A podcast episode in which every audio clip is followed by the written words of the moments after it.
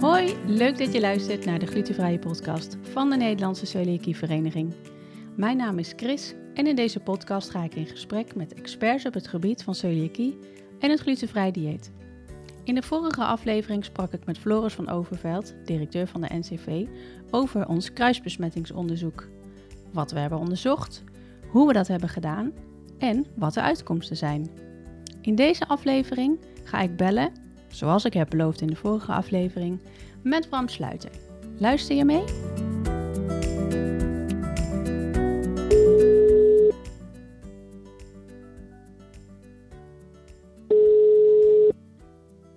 Met Bram. Hey Bram, met Chris van de Glutenvrije Podcast. Hey Chris. Hey, fijn dat ik jou even kan spreken. Ehm, ik wil het met jou heel graag hebben over kruisbesmetting in de keuken bij de Mhm. mensen thuis. En ook over de onderzoeken die wij als NCV hebben gedaan. Dus fijn dat ik jou mag bellen. Maar eerst even voor de luisteraars. Wie ben jij? Eh, ik ben Bram Sluiter. Nou, ik zat het net even na te kijken, maar ik werk alweer bijna 15 jaar bij het, eh, het Sint-Antonius ziekenhuis. Ik werk voornamelijk eh, in Nieuwegein. En eigenlijk al die jaren heb ik al patiënten met celiakie begeleid. Mhm. Eh, eerst in wat lagere aantallen en ik ben nu eh, sinds alweer een aantal jaar echt eh, volledig gespecialiseerd op, op celiakie. Mhm. En ik werk daar veel samen met, met een MDL-arts, dokter Altoma, die heel erg gespecialiseerd is in, in celiakie. Mhm. Nou, dat is Ja, heel fijn samenwerken. Dus daar heb ik veel contact mee en dat is fijn begeleiden samen van patiënten. Ja, dus dat. Ik heb meegedacht over jullie, eh, over jullie onderzoek. Heb ik een paar keer eh, wat stukken voor tegengelezen. Ja. Dus, eh, dus dat kort samengevat. ja, fijn. Ja, want dat is ook de reden dat ik jou bel. Omdat je tegen hebt gelezen. Hoe, hoe kwam dat ook alweer? Eh, nou, we hadden een bijeenkomst eh, van het kwaliteitsnetwerk van de diëtisten die bij de vereniging aangesloten zijn. Mhm. En toen kwam de vraag eh, wie er mee wil, wou denken of tegen wilde lezen. Ik weet het ook even niet meer Mhm. precies. Toen dacht ik, nou, dat vind ik leuk. dus toen heb ik me aangemeld. Ja. ja, heel fijn dat je dat gedaan hebt. Wat was precies jouw rol toen van dat tegenlezen? Ehm, ja, ik heb toen vooral gekeken naar de, de begrijpbaarheid eigenlijk van de stukken. Want, ja, eigenlijk toen ik eh, de, de data kreeg, toen was dat best wel ingewikkeld. Zelfs voor mij als diëtist. Ik Ja. dacht van, hey, hoe moet ik die dingen nou interpreteren? En ja, ik kan me helemaal voorstellen als je patiënt bent, dat het dan helemaal een soort van abracadabra is. Van, Mhm. er waren heel veel getallen, wat, wat moet je daar nou mee? En eh, hoe ga je dat nou vertalen naar adviezen in, eh, in de keuken en in je eigen huishouden? Ja. Eh, dus daar, eh, daar heb ik toen kritisch eh, over meegedacht. hoe we dat toch een soort van zo begrijpelijk mogelijk konden overbrengen. Ja, Dat bleef best wel ingewikkeld, vond ik hoor. Maar ja, ja. Nou, fijn dat je dat gedaan hebt. Ehm, oh ja, ik heb trouwens ook nog wat vragen binnengekregen van onze trouwe luisteraars via de social media kanalen. Ehm, Mhm. Dus ik hoop dat ik je die straks ook nog even kan stellen. Maar die, Ja, ehm, die uitkomsten van die onderzoeken, die kwamen en dat las je. Kun- je nog herinneren wat jouw reactie was toen? nou ja, ik kon mijn- mijn ogen bijna niet geloven toen ik zag wat eruit kwam. Nee? Eigenlijk in de afgelopen jaren zijn we best wel, eh, best wel streng geweest met adviseren. Hmm. Ehm, en uit het onderzoek bleek toch dat een hoop van die eh, adviezen misschien wel iets te streng waren dan, eh, dan eigenlijk nodig. Hmm. Ehm, ja, we gaan zo wat, wat verder eh, erop in eh, hoe dat zich dan precies uit. Maar ehm, ja, eigenlijk, ja, ik was wel blij verrast dat het allemaal zo mee bleek te vallen qua hoeveel overdracht van gluten er nou plaatsvindt in de keuken als je ja, eigenlijk op een, toch voorheen vonden we dat onveilig, eh, Mhm. op een onveilige manier werkte. Bleek dat Mhm. toch wel mee te vallen. Sommige dingen stond ik dan weer van te kijken, die had ik juist de andere kant weer niet op verwacht. Maar eigenlijk in de grote lijn bleek dat ja, best wel mee te vallen eigenlijk, de hoeveelheid gluten die je binnenkrijgt eh Ja. via kruisversmetting als je ja, voorheen dus onveilig werkte. Ja, ja. Was, je, was je ergens ook wel opgelucht? Ja, tuurlijk. Ja, hoe makkelijker, hoe beter natuurlijk. Mhm. Ja, Want het, het dieet is al ingewikkeld genoeg en eh, ja, ontzettend belastend. En ja, helemaal als je ook, ook bij andere mensen over de vloer komt, of uh, als de eten voor je bereid wordt ergens, als je weet dat sommige dingen weinig invloed hebben op hoeveel besmetting er uh, plaatsvindt, hoeveel mm gluten je binnenkrijgt, mm -hmm. ja, dan ga je misschien zelf ook wel wat relaxter ergens naartoe. En, uh, ja. Dat, ja. Ja, ik zie heel veel mensen die, die dat soort situaties vaak heel spannend vinden. Dus dat maakt het toch allemaal weer net wat makkelijker. Ja, ja, fijn. Ja. ja, dat is ook een, natuurlijk een mooi bruggetje naar jouw spreekkamer. Want daar spreek je de mensen die de vertaling van die onderzoeken allemaal van jou willen horen. Hè? Van hoe zit het dan met dit en hoe zit het met dat? Dat zijn volwassenen met celiakie, maar ook ouders van kinderen met celiakie. En dan, ja, ik kan me voorstellen dat ongetwijfeld, hoe dan ook, ergens kruisbesmetting ter sprake komt. Ja, eigenlijk altijd het eerste consult. En vaak hebben mensen daar ook wel. Uh, ik vraag altijd of uh, ja, wat voor vragen ze zelf hebben voordat ja. we met het gesprek starten. Ja. En uh, ja, dat, zijn, dat is eigenlijk het onderwerp waar de meeste vragen over, over komen. Eigenlijk het eerste gesprek heb ik het vaak over. Ja, eigenlijk de, de, praktische dingen over ja, de, hoe lees je nou etiketten? Hoe kom je Mhm. er nou achter of iets veilig is? Mhm. En dan is de tweede stap, hoe hou je die veilige producten nog steeds veilig? Want ja, Ja, als er dan ergens besmetting plaatsvindt, dan, eh, dan kan je er natuurlijk nog steeds ziek van worden. ja, Ehm, ja, dus daar hebben veel mensen vragen over. En, de, en de, de aannames van patiënten voordat ze bij me komen, ja, die, dat, dat, de ene patiënt die had totaal niet verwacht dat het, eh, dat het zo streng tussen haakjes eh, zou moeten. En bij de Mhm. andere patiënten, die, die gaat ervan uit dat ongeveer niks meer kan. En dat je niet eens meer iets in dezelfde keuken kan bereiden, bij wijze van spreken. ja. Ehm, ja, dus dan, dat, dat is een onderwerp eh, wat, ja, waar best wel wat tijd in gaat zitten. ja. Nou, mooi dat je begint met de vraag: waar heb je vragen over? Ja, ja, ja, dat is natuurlijk belangrijk. dat je luistert naar je patiënt, waar die tegenaan loopt en waar, waar de onzekerheden liggen natuurlijk. Eh, Ja, ja, het is zo'n, ja, ik noem het altijd wel een van de meest ingewikkelde diëten eigenlijk om, om uit te leggen en toe te passen als patiënt. Er zijn zoveel kleine details waar je op moet letten en ja, een patiënt met diabetes die kan ergens nog wel heus wel een keer een, eh, een gebakje eten of Mhm. eh, iemand eh, die, die zoutarm moet eten kan heus wel een keer een, eh, een uitzondering maken. Maar ja, als je Mhm. hier een uitzondering maakt, dan, eh, Nee. dan kan je er meteen goed ziek van worden. ja, Dus dat is iets wat je beter niet kan doen natuurlijk. ja. Ja, en een grote uitdaging is natuurlijk ook ehm, dat je met mensen samenwoont die in veel gevallen wel gluten kunnen eten. Dus dan heb je een huishouden waar je ehm, met mensen samenwoont die glutenvol kunnen eten en jijzelf, of andersom, glutenvrij moet eten. Zie, zie je dat veel? Ja, ik denk, nou misschien, ik denk wel 90% van de gevallen. Ja, Want ja, eigenlijk in elk huishouden, of eh, de- al is het in een studentenhuis, is het een gezin met kinderen. eh, Al, al woon je samen met je partner die, eh, die gewoon nog glutenvol eet. Ja, eigenlijk heb je altijd eigenlijk wel altijd te maken zo, met. Ja, ja, ja, ja, of je moet echt helemaal op jezelf wonen en ook niet op je werk een keer iets willen bereiden. Ja, dan, eh, dan is Ja. het misschien wat makkelijker. Heel, Ja. heel soms bij, bij wat oudere patiënten zie je dat wel. ja. Maar ja, dat is eerder een uitzondering. Ja, en het kan natuurlijk ook dat je alleen woont en dat je thuis allemaal keurig kan regelen. Dan hoef je niet eens na te denken, hoe moet ik mijn Nee. snijplank schoonmaken? Want ja, je bent er toch alleen en er komen geen gluten in huis. Maar dan nog eh, kan het wat ademruimte geven als je weet, hoe gaat het dan als ik ehm, bij vrienden ga eten?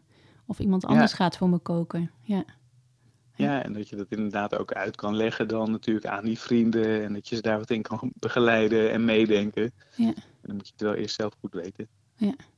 Hey, en dat is ehm, in het begin vaak, zeg je, een van de eerste vragen eh, die in de consulten te sprake komen. Als we dan uitgaan van een gezin waar één kindje celiakie blijkt te hebben, hoe, wat zijn dan jouw adviezen?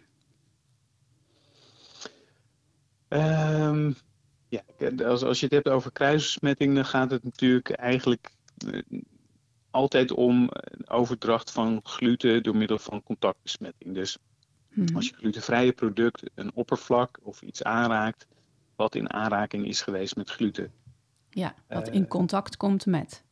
Ja, ja, Ja. het moet echt, ja, eigenlijk overdracht via de lucht, dat, dat zien we eigenlijk eh, heel, heel weinig. Mhm. Eigenlijk bijna niet. Of je moet echt met heel veel bloem gaan lopen stuiven. Ja, natuurlijk.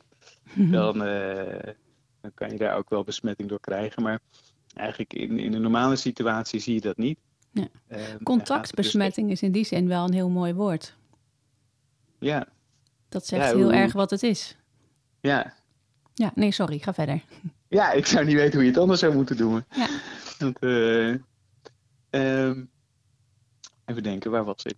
Jouw adviezen aan. eh, nee, sorry. Jouw adviezen over een gezin eh, waarvan één kindje celiakie blijkt te hebben. En het gaat Ja, dan oh over ja. kruisbesmetting en wat, wat Pre-? Precies, en dat, het, ja, dat gaat eigenlijk altijd om contactbesmetting. Dus zolang je producten die glutenvrij zijn, niet in, in contact komen met een product dat gluten bevat of een oppervlak Mhm. wat, eh, wat daarmee in aanraking is geweest, is het sowieso altijd veilig. En natuurlijk moet je schoon werken en, en, en logisch nadenken. Mhm. Maar ja, ook al heb je een, een, een aanrecht wat, eh, wat niet perfect schoon is, en je legt daar een schoon bord op en daar leg je een glutenvrije boterham op, dan zou die echt niet besmet raken. Nee, die kruimel Eh. kan niet door dat bord heen in de boterham Nee. terechtkomen. Nee, nee hoor. Nee. Nee.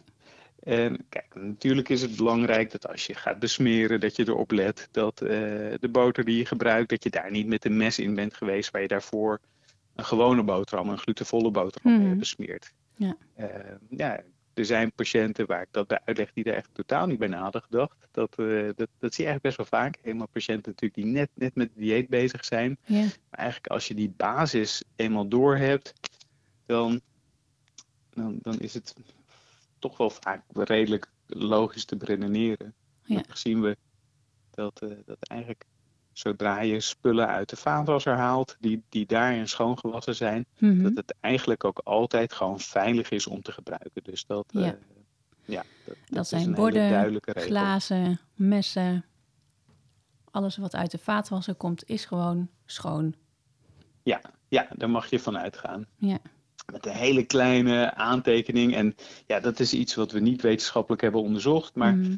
eh, wat ik wel altijd benoem is, stel je zou een, een hele glutenvolle maaltijd hebben bereid. En je, je zet een, een, een, eh, je hebt een, een macaroni-schotel gemaakt. En er gaat een overschaal in en daar zitten nog macaroni-elleboogjes eh, aan vast. En dat komt in je, in je filter terecht van je vaatwasser. Dan zou ik altijd adviseren om die even, even te checken, even schoon te maken. Ja. Eh, maar, ja, Maar dat is voor mensen regel, zonder eh, celiakie ook goed om af en toe even je filter schoon te maken. Ja, Toch? mensen gesproken die niet eens wisten dat die erin zat. Oh, oké. Ja. Ja. Nee, nee hoor, maar dat, eh, dat klopt inderdaad. Ja. ja, maar ik snap wat je zegt. Hè. Het is de basis. Je werkt Ja. hygiënisch en verder gaat het logisch redeneren. Ja. Op de principes is het in contact geweest met. Ja. Hè. Kruimels kunnen niet door een bord heen. En, en dat is nou meteen waar, waar ik zo bij het onderzoek van stond te kijken. Eigenlijk dachten we dus hè, dat, dat dat logisch redeneren was. Ja. Maar ja, als je dan kijkt bijvoorbeeld naar het stuk eh, wat we onderzocht hebben over tosti-ijzer. Mhm. Dan blijkt dat je dus, eh, als je tosti-ijzer, eh, stel, je, ma- je, je maakt eerst een gewone glutenvolle tosti. Ja. Je veegt dan het tosti-ijzer schoon. Je Mhm. kijkt even of er geen kruimels of, of, of viezigheid in zit. Mhm. Eh, tosti-ijzer gaat niet in de vaatwasser en je bereidt dan een glutenvrije tosti. Mhm. Dan blijkt die onder de norm te vallen van een glutenvrij product. Dus dat is voor iemand met celiakie dan eigenlijk altijd veilig om te eten. Ja. Ja, dan heb je het Mhm. ook over contactbesmetting. Dus dat is wel waar ik van dacht van, Ja. dit zou ik in het verleden nooit zo hebben geadviseerd. Nee. Wat fijn dat je, ja, dat je dus blijkbaar zo weinig gluten binnenkrijgt ja, via het oppervlak. Want ja. ja, dat zat gewoon onder de, onder de 20 ppm norm, de norm die gehanteerd wordt voor een product wat je glutenvrij mag noemen. Ja. Dus Ja. dat, eh, Ik kan me Dat- voorstellen dat dat heel eh, spannend klinkt als je dit hoort. Hè, want Ja. ik probeer zo dat tosti-ijzer voor me te zien. En vaak is dat dan een zo'n grillapparaat hè, met zo'n klep die je dan eh, dicht doet waar je je broodje tussen plet. En dat hebben van die groeven, zeg maar. Maar die kun je best goed schoonvegen. En als je zorgt dat je daar helemaal niks meer ehm, van kruimels ziet, waar moeten ze dan vandaan komen? Dan kun je dus daar een glutenvrije tosti op bakken. Ja. Ja, ja nou, nou, ik kan me ook voorstellen, um, mensen die luisteren, die denken... ik vind het toch spannend, ik doe het liever andersom. Ik heb een schoon tosti-apparaat. Ik ga eerst mijn uh, glutenvrije tosti bakken en dan daarna de andere. Dit heb ik natuurlijk in de afgelopen nou, dat zei ik, ik werk nu 15 jaar uh, in het ziekenhuis. Ik begeleid eigenlijk al die tijd op patiënten met celiakie. Mm In de afgelopen 13, misschien wel 14 jaar, heb ik het, het tegenovergestelde geadviseerd. Ja. Dat, ik adviseerde dan altijd om er even een, een velletje bakpapier tussen te leggen. Ik heb ja. mensen gesproken en die hadden hun eigen tosti-apparaat. Mm Dus ik snap ook dat het ontzettend moeilijk te bevatten is eigenlijk. Ja, en, en, ja. En, ja het zit en, zo ingebakken, hè, letterlijk. Ja, en dat oude, dat is dus ook natuurlijk nooit fout geweest. Hè? Het Nee. was gewoon eigenlijk met de nieuwe inzichten extreem voorzichtig. Mhm. Misschien onnodig voorzichtig. Mhm. Maar niemand is daar ooit ziek van geworden. Dus ja, Nee, je, precies. je, je, je, Ja. je weet pas of iets zo is als je het wetenschappelijk onderzoekt. En dat Ja, was in die situaties nog niet eerder gedaan. nee. Eh, ja, dat hebben we nu gedaan. En dan zie je dat het, ja, die aannames, dat eigenlijk dat, dat logisch redeneren wat je zei, dat dat toch, ja, niet altijd waar is wat je dan denkt. Dat, Nee. eh, nee. Nou, lang leven ons onderzoek dan. ja, ja, Want het zeker. geeft wel ja, wat ruimte, inderdaad. Ja, ja, dat maakt het echt, eh, in ieder geval ook, ook zoveel meer inzichtelijk. Eerst Ja. adviseerde je iets waarvan je dacht dat het waarschijnlijk wel zo zou zijn. Mhm. Ja, en nu weet je dat het zo is. Nu meet je in een product Ja, ja, zo weinig gluten dat het Ja. gewoon officieel glutenvrij genoemd mag worden. Dat mag gewoon het label glutenvrij, eh, glutenvrij dragen. Dus ja. ja, daar is helemaal niks tegen in te brengen. Dus jij kan met een gerust hart patiënten zeggen: je kunt dat zo en zo doen met je Ja, apparaat. Want ehm, de onderzoeken zijn nu goed gedaan en eh, we kunnen wetenschappelijk aantonen dat het kan. ja, Ja, absoluut. Ik heb het in het verleden misschien anders eh, verkondigd, maar ja, dat is nu op basis van nieuwe inzichten. kun- hebben we wat ademruimte, inderdaad. Ja, Ja, nou, ik vind het heel mooi dat je zegt: ehm, je hebt het nooit fout gedaan. nee, nee, je hebt het eigenlijk altijd een beetje te streng gedaan misschien. Ja, Dat, eh, en, en dat is nou juist. Het is natuurlijk belastend dat je. dat je veel dingen niet, niet kan kopen. En ja, dan heb je na- naast dat er, dat er heel veel producten al, al gluten bevatten van, van nature, omdat de receptuur zo is, Mhm. heb je ook nog een keer dat stuk kruisbesmetting, wat dan eigenlijk nog. ja. Ja, wat je nog meer belemmerde. Ja. En gelukkig blijkt dat dus. Ja, kunnen we daar losser in worden. Dus Ja. ja, dat geeft mensen weer veel meer ademruimte eigenlijk. eh, Ja. Ja, en ik denk ook vooral voor die situaties dat je een keertje bij je schoonouders gaat eten. Of dat je bij vrienden op bezoek gaat. Of ja, dat iemand eh, iets lekkers voor je meeneemt. Wat klaargemaakt is in die keuken. Hè, dan, dat zijn de situaties, de spontane dingen die zo beperkend zijn aan het dieet. Ja. Ja. Ja, ja, je ziet dus dat als mensen ergens ziek van worden, dat het, dat het dan waarschijnlijk vaker is omdat je gewoon echt per ongeluk een product hebt gegeten waar gluten in zitten en niet omdat het, omdat het besmet is. Eh, die kans is veel kleiner. ja. ja nou, dat, je dat- natuurlijk ja. echt, echt wat betreft gluten onhygiënisch werkt. Je, stel je gaat eh, die, een, een glutenvrij broodje besmeren met het eh, mes waar je net een gewoon brood mee hebt besmeerd, dan kan je er natuurlijk wel ziek van worden. Mhm, Ja. Maar die onzichtbare kruisbesmetting, hè, wat je zegt, van stel je hebt eh, de snijplank toch niet met heet genoeg water schoongemaakt. ehm, en je krijgt heel veel klachten of je antistoffen zijn verhoogd. Dan is het aannemelijker om te kijken naar, is er in het dieet iets misgegaan? Dan dat antistoffen verhogen door één keer kruisbesmetting. Nee, ja, dat, nee, die, die, die kans is ontzettend klein. Ja. Oké. Hey, krijg jij ehm, veel vragen over de onderzoeken? Mm, ik vind het eigenlijk wel meevallen. Mhm. Kijk, de mensen die ik, die ik spreek, dat zijn, eh, ja, de- als iemand nieuw bij me komt, ja, dan hebben mensen, het zijn mensen vaak nog geen lid van de vereniging, dan raad ik ze dat aan. Maar dan hebben ze natuurlijk het magazine niet gelezen waar dat, eh, waar het artikel in, in heeft gestaan. Mhm. En ik zie natuurlijk ook mensen die op jaarcontrole komen, bijvoorbeeld. Ja, heeft het ene deel de onderzoeken wel van gelezen. Mhm. Ehm, en sommige mensen, daar is het even helemaal langs heen gegaan. Nou, dan, dan nemen we het samen door. En ik, ik spreek ook mensen die hebben het dan wel gelezen, maar die, die willen het dan toch eerst even bespreken voordat ze Ja. er echt het vertrouwen in hebben Ja. om het te gaan toepassen. Omdat het zo tegen je, ja. tegen je opgebouwde natuur ingaat eigenlijk. Die willen even Eh. weten of eh, jij daarachter staat. Ja, ja, ja. Ja. Ja. Ja. ja, mooi. Ja, er was een specifieke vraag van Maartje die vroeg eh, hoe representatief zijn de onderzoeken. Dat heb ik zojuist wel met ehm Floris al besproken.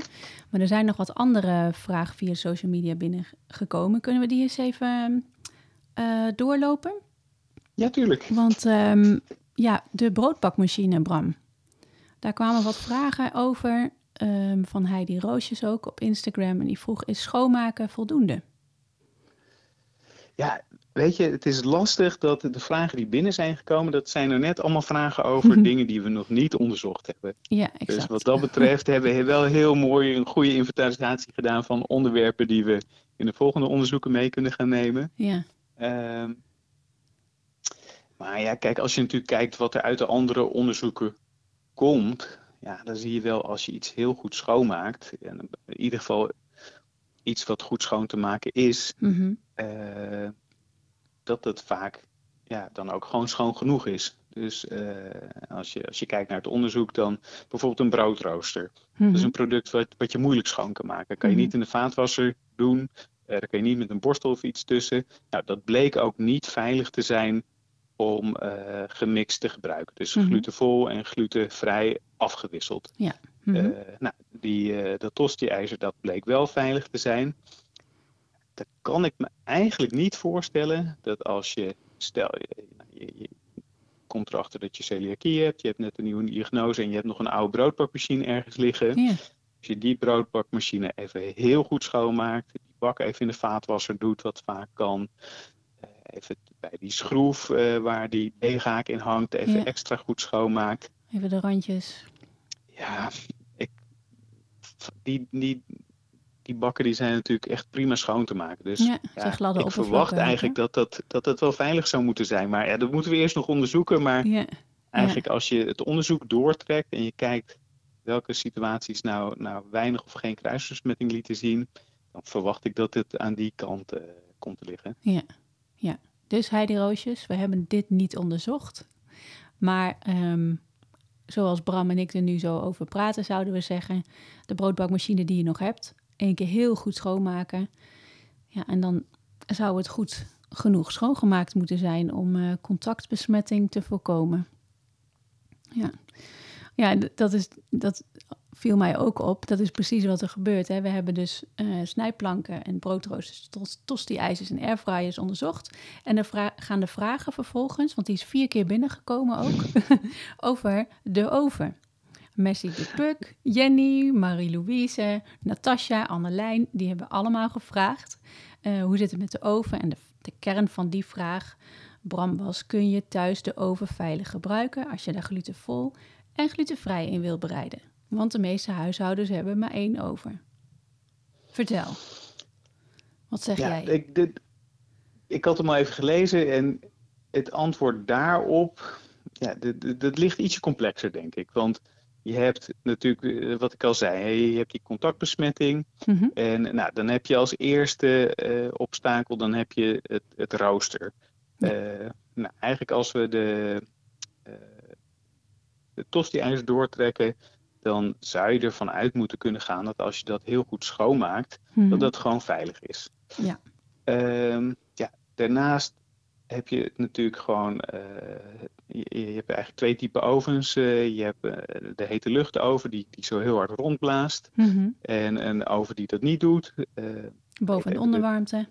precies. Ja. Nou, kijk, als je die stand gebruikt, dan, dan lijkt me dat sowieso veilig.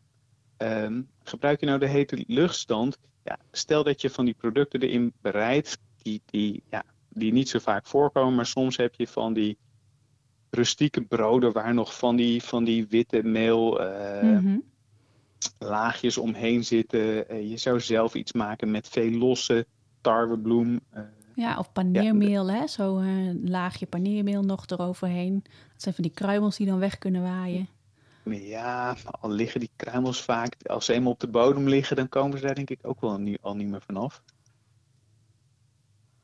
Maar nou, stel, je, je, bereidt dat soort producten er allemaal niet in mhm. en je zorgt dat je, dat je oppervlak schoon is, uh, dan verwacht ik eigenlijk niet dat daar nou, uh, nou veel besmetting uh, optreedt. Ik denk eigenlijk niet. ja, dat zullen we dus echt moeten onderzoeken. Ja, nou, ik, ik vind dit een hele goede om te gaan onderzoeken. Ja. Want wij proberen nu zo goed mogelijk advies te geven. Maar het liefste zouden we willen zeggen, uit onderzoek blijkt dat. Kijk, wat, je natuurlijk, wat we wel onderzocht hebben, dat is natuurlijk eigenlijk ook een soort oventje. Dat is mhm. de, de airfryer. Ja. Nou, de, de airfryer, daar hebben we eerst uh, glutenvolle snacks in bereid. Ja, ja. En uh, dat waren bitterballen uit mijn hoofd, toch? Uh, bitterballen of kroketten? Ja, nou, in ieder geval iets gepaneerd. Ja. Uh, ja, het zijn eigenlijk kleine kroketjes natuurlijk, uh, bitterballen. Mm En dat bleek zonder tussendoor schoonmaken, bleek dat veilig te zijn. Ja. Nou, als ik logisch nadenk, dan gaat in een airfryer die, die, die luchtverplaatsing nog veel harder. Mm Dus dan verwacht ik niet dat, uh, dat die oven nou in één keer veel onveiliger zou zijn. Nee. Nee. En stel dat um, dat mensen toch nog iets van een zekerheid in zouden willen bouwen, adviseer je dan om um, nou ja, de glutenvrije lasagne schaal af te dekken? Zijn dat nog. Um... Nou, dat lijkt me wel heel streng. Ja. Ja. Nee, ik zou in eerste instantie. En natuurlijk kijk je altijd naar hoe het met een patiënt gaat. Je, of mensen nog klachten hebben. En stel dat ze nou elke keer nadat ze die onafgedekte lasagneschaal uh, ja, als, ze dat hebben gegeten, dat ze klachten hebben, dan, dan zou ik daar misschien wat conclusies uit durven trekken. Maar mhm. eigenlijk als je naar dat, dat onderzoek kijkt eh, van de airfryer, dan zie je daar eigenlijk nagenoeg, dan, zie je geen besmetting, dat dat gewoon veilig is. Mhm. Ehm, dus ik zou eigenlijk niet weten waarom dat in de oven anders zou moeten zijn. Daar is de luchtverplaatsing minder. Mm ja, ik zou, ik zou wel adviseren om met, met losse bloem, tarwebloem, wat, uh, wat voorzichtig te zijn. Dat mhm. liever niet te doen. Maar het aantal producten wat, wat, wat bedekt is onder een los laagje bloem, dat is wel zo laag. Dat komt eigenlijk bijna nooit voor. Dus. Nee. Dus goed schoonmaken, dan ben je een heel eind. En stel nou dat, uh, uh, mensen al jaren het op hun manier doen. Hè, dus gewoon goed schoonmaken tussendoor. En er zijn geen klachten, er zijn geen verhoogde antistoffen, er zijn geen redenen om aan te nemen dat daar toch iets met die oven anders moet. Dan kun je zo doorgaan. Ja, dan is het gewoon goed. Ja.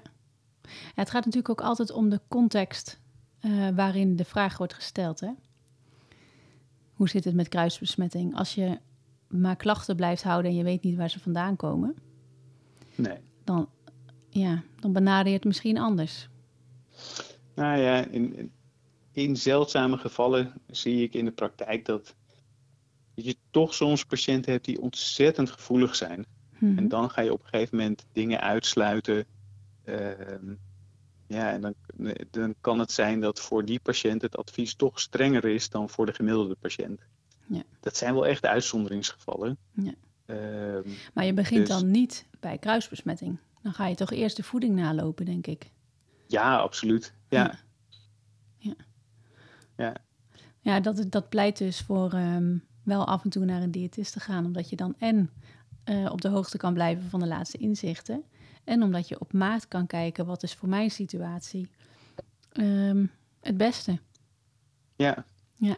Oké, nog even een vraag van Priscilla kan je pannen en opschrijflepels gebruiken waar eerst glutenvolle gerechten op of mee bereid zijn als je ze goed afwast.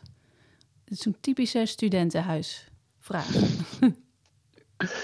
um, ja, ik ga er eigenlijk vanuit dat, kijk, als je naar, uh, naar, naar, pannen en lepels kijkt, als je iets uit een vaatwasser haalt, dan moet het eigenlijk altijd veilig zijn. Ehm, Ja. Daarnaast, eh, eigenlijk als het gewoon goed te reinigen producten zijn, dus gladde oppervlakken die je goed af kan wassen met water en, en, en, en zeep en heet water, dus gewoon in een afwasstijl, Mhm. kan ik me eigenlijk ook niet voorstellen dat dat onveilig is. Als je Nee. ziet dus dat, ja, neem weer even terug naar dat, eh dat tosti-ijzer. Ja, Als dat schoonvegen daar al voldoende is, kan me niet voorstellen dat er iets eh, blijft hangen aan een pan die je uit de vaatwasser haalt. Of een pan die je, nee. je gewoon heel goed hebt afgewassen en daar nog even hebt, eh, hebt nagespoeld. Mhm. Dan, eh, dan moet dat veilig zijn. Aangekoekte stukjes zie je zitten en die haal je weg. Ja, Dus als je, als je goed kijkt en je ziet niks, dan zou het goed moeten zijn. ja, ja dat zou je Ja. denken. Ja, ik denk dat we naar de laatste vraag gaan. Die is van Sermin. En die gaat over kruisbesmetting via de handen. Ik heb met mijn handen, waar ik net een broodje mee gegeten heb, een telefoon of iPad aangeraakt. Zonder eerst mijn handen te wassen. Daarna pakt mijn dochtertje met celiakie die telefoon of iPad. Dus het kan ook speelgoed zijn. Ja, Eh, ja. Maar de moeder heeft met eh, haar handen waar ze gluten aan heeft gehad iets aangeraakt. En dan pakt het kind het. Kunnen er dan gluten in haar maag komen? Ja, er kunnen pas gluten in haar maag komen als ze met haar handen in haar mond gaat zitten. Of stel ze gaat dan. Kijk, eh, eigenlijk hebben we net gezien dat de overdracht van gluten via, via contactbesmetting laag is. Hè? Mhm. Ehm, dan gaat dat kind, tuurlijk, het zou kunnen dat er misschien nog een heel klein kruimeltje aan die vingers zit, maar dat kind gaat verder spelen en eh, nou, dan komt er een eetmoment aan. Nou, dat, Mhm. laat je kind even, even de handen wassen. Dan verwacht ik niet dat er daarna nog eh, ook maar ja, dat er nog gluten binnenkomen. Nee. Nee, ik denk dat we ook moeten denken in ehm, het kader van zichtbare gluten. Echt kruimels. Ja, Ja, hoe hoe ja. vaak blijven nou echt kruimels aan je handen zitten, die dan aan een telefoon blijven zitten, die je tegen je oor aanhoudt? Ja, dan, nee. die kruimel die moet een heel, hele reis afleggen. ja, Dus dat is Ja, zo onwaarschijnlijk. Maar ja, goed, we hebben dit niet onderzocht, hè? Kruisbesmetting Nee, via de handen. nee, ik vind, nee, ik vind hem wel heel niet. interessant. nee. Krijg jij hem vaak? Ehm, ja, ik krijg hem vaak. En ik adviseer gewoon altijd om voor het eten even je handen te wassen. Ja. En dan, dan, dan is het, dan, dan, veiliger kan je niet. En Nee. weet je, het is ook belangrijk dat je, kijk, eigenlijk eh, je- moeten we dus even kijken naar wat er nu uit al die onderzoeken is gekomen. En daarnaast, het moet ook wel een beetje leefbaar blijven natuurlijk thuis. Dus je, Ja. je kan alles helemaal perfect willen doen. En soms zie ik patiënten die daar echt tot in het extreme in doorslaan. Ja, Maar dan moet je je echt heel erg afvragen eh, ja, waar je nou eigenlijk meer last van hebt. Van, de, Mhm. van die mogelijke minuscule hele kans. kleine klacht die je misschien eens in de zoveel tijd zou hebben. Of van dat hele beperkende leven omdat je, omdat je ze allemaal Dag in dag uit. Ja, ja, precies. dat is niet gezond natuurlijk. Met ehm, pakjes vochtige doekjes op tafel en tussen elke hand. Ja, nee hoor. Nee, nee. Nee. Oké, super bedankt eh, Bram voor al deze antwoorden op de vragen. Eh, gezien de tijd moeten we even gaan samenvatten. Dus hoe doen wij dat als we in twee minuten het advies moeten samenvatten over kruisbesmetting in de keuken thuis? Wat zeggen we dan? Ehm, nou, eigenlijk het belangrijkste is dat het vooral gaat om zichtbare besmetting. Mhm. Ehm, dus kan je dingen niet goed zien, neem de broodrooster, nou, dan is het niet veilig. Dat zijn dingen die je niet, niet goed kan reinigen. Kan je dingen wel goed reinigen? Eh, dus neem een snijplank of een eh tosti-ijzer en je ziet Mhm. er geen kruimels meer in zitten. Mhm. Eh, en die snijplank die komt bijvoorbeeld uit de vaatwasser. Nou, dan is dat veilig. Dus dat, ja, dat is Ja. veel minder streng dan we gedacht hadden. Ja, Ja, en daarnaast, we hebben het nog niet eens over de frituur gehad, hè? Dit Nee. vond ik wel echt, eh, die, die kunnen we eigenlijk niet, niet laten liggen voor nu. nee. Jullie hebben toen eh, eerst gewone bitterballen gefrituurd en Ja. daarna glutenvrije. Ja, ja. En die bleven gewoon glutenvrij. Nou, dat is een vraag die ik heel vaak van patiënten krijg: van kan ik nou friet halen bij een frietzaak. En eh, we, we moesten in twee minuten samenvatten, Ja. dus gaan we er toch even bij stoppen. Ehm, eigenlijk dus, hè, als je, en, en eigenlijk als je naar, frietzaken kijkt, dan, eh, dan wordt er heel vaak eh, een apart vet gebruikt voor het patat en een apart vet voor de, voor de snacks. Mhm. Maar als je dus kijkt naar het onderzoek, wat trouwens wel eh, met een, met een, een consumentenfrituurpan is gedaan. Dus je kan Ja. het niet helemaal. Nee, we kunnen het niet Doortrekken naar... de horeca. Dit frituren Nee. gaat echt wel over thuis. Maar vervolgens Maar stel, is de je vraag... zou thuis- Ja? Dus eh, eerst glutenvolle bitterballen frituren. Mhm. Daarna ga je een glutenvrije snack of patat, wat natuurlijk van natuurlijk glutenvrij is, eh, ga je frituren. Dan blijft dat gewoon glutenvrij. Dat, ja, ik heb wel mensen gesproken die hadden twee frituurpannen of eh, die, die deden dan hun snacks maar in de oven en die aten alleen maar friet. eh, dat, dat soort dingen. Dat is dus natuurlijk nu super onhandig. frituren. Ja, geen probleem. Ja.